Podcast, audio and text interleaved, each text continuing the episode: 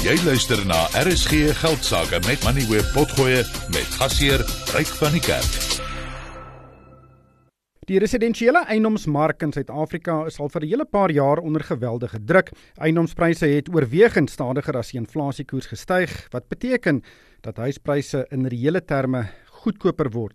Die internasionale eiendomsdienste maatskappy Savills het pas sy prima residensiële wêreldstede indeks bekend gestel en die indeks meet die verandering van luukse residensiële eiendomspryse in 30 stede reg oor die wêreld en een van hierdie stede is Kaapstad.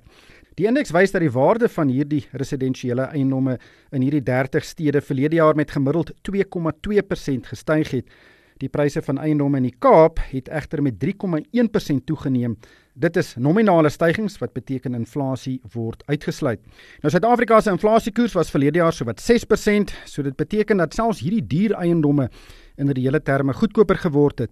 Andrew Golding is op die lyn. Hy is die uitvoerende hoof van Pam Golding. Andrew, thank you so much for your time tonight. Just exactly what is a prime residential property? Rick, I think it's a, a very difficult thing to define accurately, but essentially it refers to the top end of residential markets around the world, and particularly in this case from a Savills point of view in terms of cities around the world.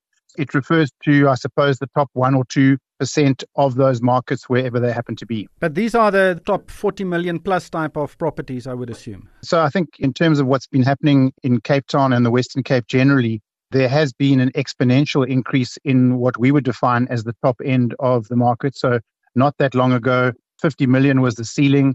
Then 100 million became the ceiling. And now around about 200 million is probably where the ceiling is in certain very select properties in the Western Cape and Cape Town in particular. The 3.1% growth achieved, this is in the capital value, it's pretty much in the middle. You know, if we exclude the inflation rate in South Africa, many prime cities around the world saw similar type of increases. Rome 3.3%, Barcelona 3.4, Milan 2.5, Lisbon 1.6. So how do you view this increase in value of 3.1% in Cape Town? From a statistical point of view, it is in the middle of where the global cities index is. Anecdotally, from a Cape Town perspective, there are a number of segments to the very top end of the market. So this doesn't take that into account. I think that what's happened in many cities around the world is that the very top end of those markets are commoditized in dollar terms. And so one is comparing a property in New York with a property in Clifton in Cape Town and comparing those prices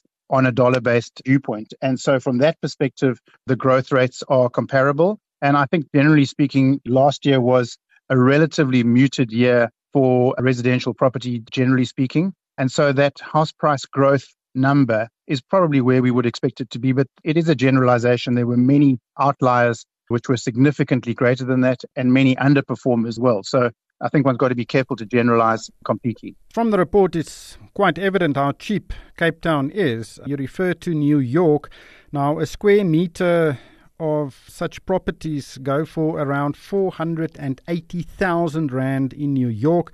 And in Cape Town, it is around 46,000 Rand. But I would assume that is a function of the exchange rate. It's a function of the exchange rate. It's a function of the fact that we are a rand based economy and that the overwhelming predominance of transactions that takes place in South Africa are South Africans to South Africans. But nevertheless, there is a small segment of our market which is effectively attracting foreign interest and where Cape Town is perceived to be, firstly, extremely attractive, both from the point of view of what it offers, but also in terms of a comparable price number. And for years, we've worked on a relative comparison of around 10 times. So a property in whether it's Paris or New York or London is generally speaking, if one is able to compare apples with apples, around about 10 times as cheap or as expensive, depending on which way you look at it. You refer to South Africans buying many of these properties. Obviously, this survey is aimed at an international perspective.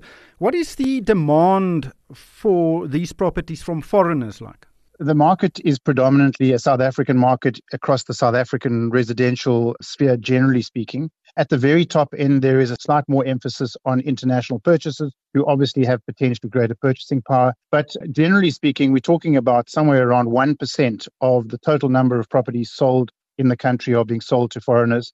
If one looks at specific suburbs, specific areas within Cape Town or the Atlantic seaboard as an example, that number might jump to 5 or even 10%.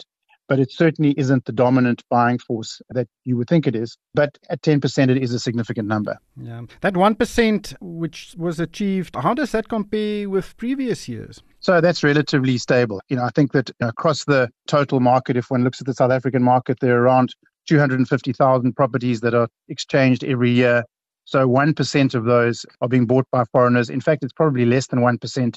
If you look at it in absolute numbers, it's closer to 1% in terms of value. So it really is a very small number. And what's going to be interesting in the year ahead is to see whether, in fact, with the crises that are going on in the world and South Africa's relative stability, the possibility of economic growth here as the Eskom situation improves, whether or not that foreign number is going to increase at all.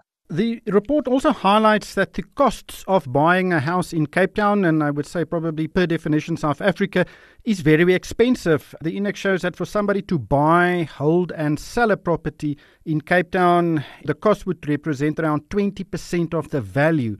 Now, this is for sales of $2 million or more. Singapore runs at around 70%, but there are some external factors influencing that. But 20% costs, it seems excessive. So I think our transaction costs have always been relatively high compared to the rest of the world. It is a factor that anyone purchasing here needs to take into account. And that is obviously a purchasing consideration and then a selling consideration. So we normally look to advise people around the fact that the initial transaction costs are somewhere around 8 to 10%, and that then, should you wish to sell later on, one needs to consider that those exiting transaction costs are also around 8 to 10%, but we always advise that property is a long term hold. So I think one's got to take a view on house price growth over the medium to long term of that purchase. And obviously, if you're looking to come out on the right side of the investment equation, then one would need to have a capital uplift of significantly more than those transaction costs in order to, to have a positive return. Now, obviously, these are absolutely prime properties, but it seems like there is some price pressure, like we've seen in all segments in the South African residential property market.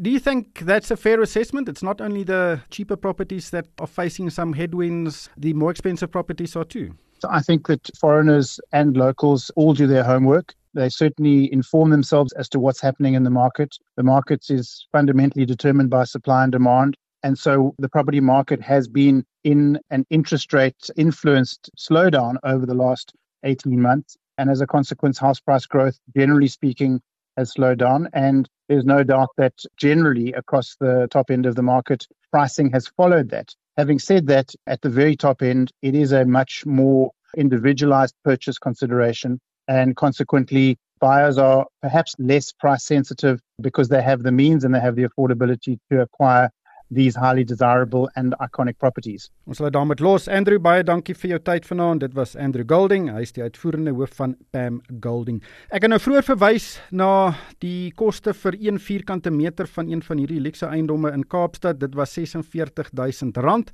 Die duurste eiendom in die wêreld is Hong Kong. Daar kos 1 vierkante meter jou R740 000. New York, soos ek gesê het, R480 000. In Londen is dit R360 000 'n vierkante meter en in Sydney in Australië R340 000. Jy het geluister na RSG Geldsaake met Money where potgoe elke weeksdag om 7 na middag. Vir meer Moneyweb potgoe, besoek moneyweb.co.za of laai die toepassing af en volg Moneyweb News om dagliks op hoogte te bly.